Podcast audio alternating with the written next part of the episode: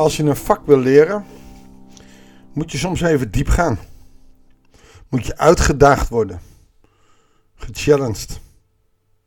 Zo moeten we als gelovigen ook wel eens een uitdaging hebben. Echt geloven vanuit ons geloof in de Heer Jezus Christus, dat Hij voor ons is opgestaan, betekent eigenlijk ons hele leven een challenge. Hij vraagt van ons getuige te zijn, liefde te betrachten voor onze naasten, goed te doen voor wezen en weduwen, maar soms ook uit te stappen. En Lucas laat dat in deze hoofdstukken nogal pittig zien. Zo ook in het gedeelte van vandaag. Hoe ver ga je? Hoeveel kan jij? Of zeg je al heel gauw, ja, dat kan ik niet hoor. Gisteravond hoorde ik nog een uitspraak van iemand die zei: Dat heb ik nog nooit gedaan, dus dat kan ik. Dat is tegenovergestelde als: Dat heb ik nog nooit gedaan, dus dat zal ik wel niet kunnen. We hebben zo'n uitspraak met eten: Wat de boer niet eet, dat vreet hij niet. Maar wat de boer niet kent, dat doet hij ook niet. We houden ons graag bij het gewone. En uitstappen is nou juist per definitie voor een christen vanuit de opwekking van Pinksteren. Oftewel, als je vervuld bent met Gods geest. Iets wat je kan, mag en eigenlijk ook als opdracht moet doen. Durf je het niet? Bid om vrijmoedigheid.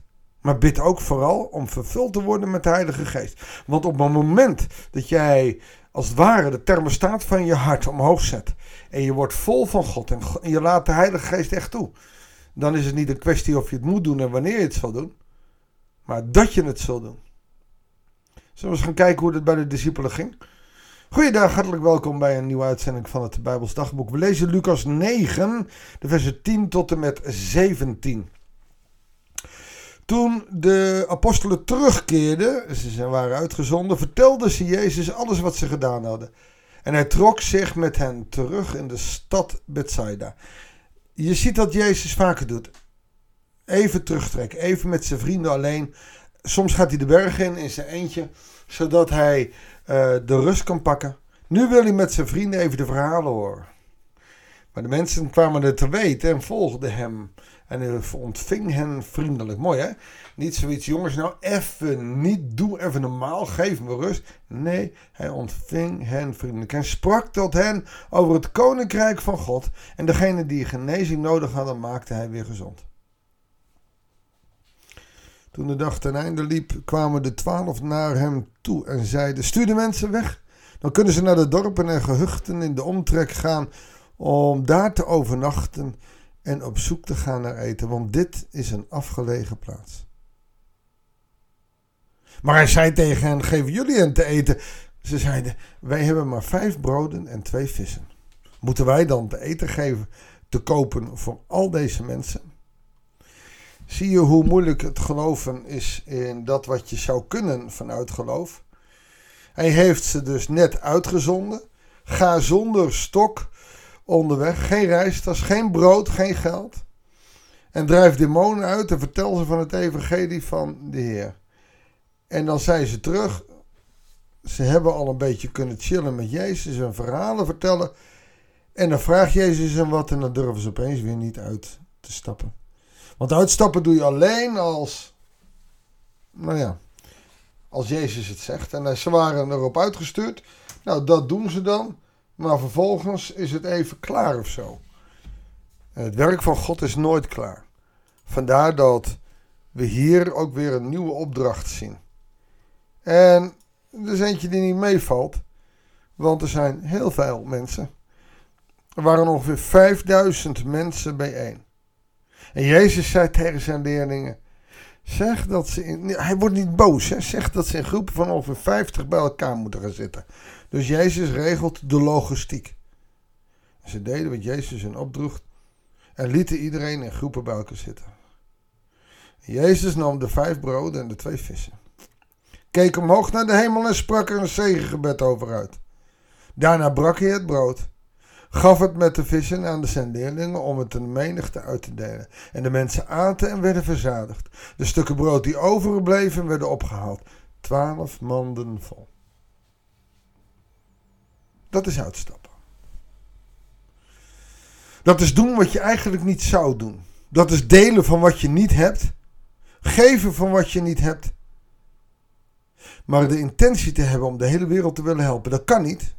Misschien zijn het er maar één of twee mensen in je omgeving. Maar je mag het doen. God wil dat je het doet. Er zijn mensen met honger. En, en we hebben het niet eens over letterlijk honger, want die zijn er ook. Kijk naar ze om. Via de diaconie. Via collectes. Maar er zijn ook mensen die hongeren naar het evangelie en wij houden onze mond.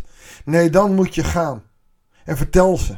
Genezen. En de grootste genezing, die kun jij ze geven door ze in Jezus Christus te laten geloven. En jij hoeft er alleen maar over te vertellen, want God komt met zijn geest en laat ze geloven. Dat kan jij niet.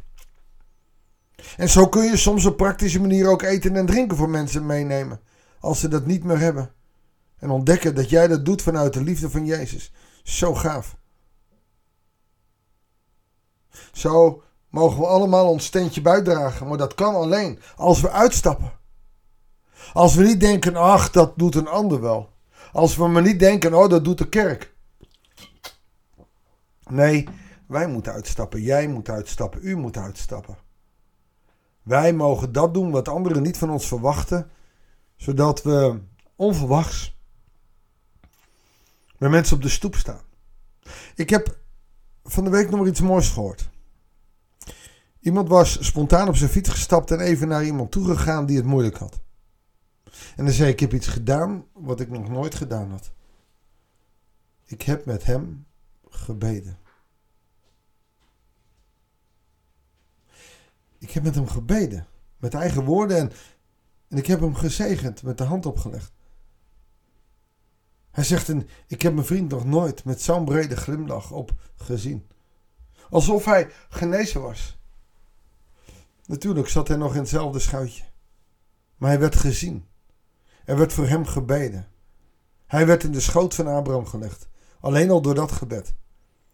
En je moet niet onderschatten hoe belangrijk dat is. Natuurlijk, een bakje koffie drinken bij iemand is heel belangrijk.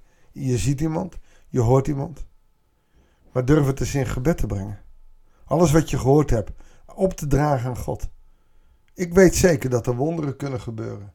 Ik weet zeker dat jij daar niet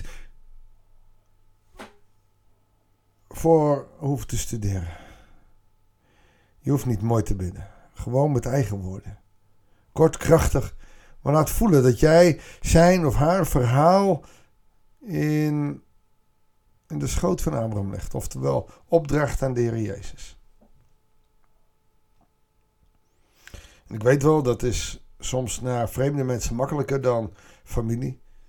Ik ervaar het ook wel als ik mijn eigen kinderen vraag: zal ik voor je bidden? En dan wordt er schamper gezegd: ja, ja, ja oh, dat is goed. Maar dat is dan vaak van: ach, baat het niet, dan schaadt het ook niet. Maar er zijn zat mensen die zo intens daarvan herstellen.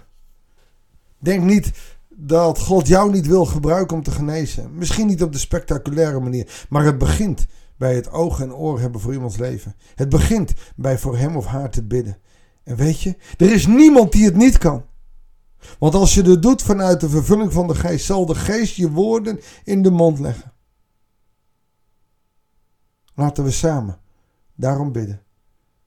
Heere God, wilt u aan de luisteraar die dat moeilijk eh, heeft, het lef geven, het hart geven, om uit te stappen er voor anderen te zijn, maar ook voor anderen te bidden. Dat ze zo tot zegen mogen zijn. En dat genezing daar mag beginnen. Of dat nou volledige genezing is, of de geestelijke genezing, Heer, we laten het aan u. Maar we loven en prijzen uw grote naam. En we danken u voor wie u bent. Heer, dank u wel dat u naar ons luistert, ook in dit gebed. Dat we altijd op uw trouw en op uw genade kunnen rekenen. We hebben het niet verdiend en toch geeft u het. We danken het en bidden u in Jezus' naam. Amen.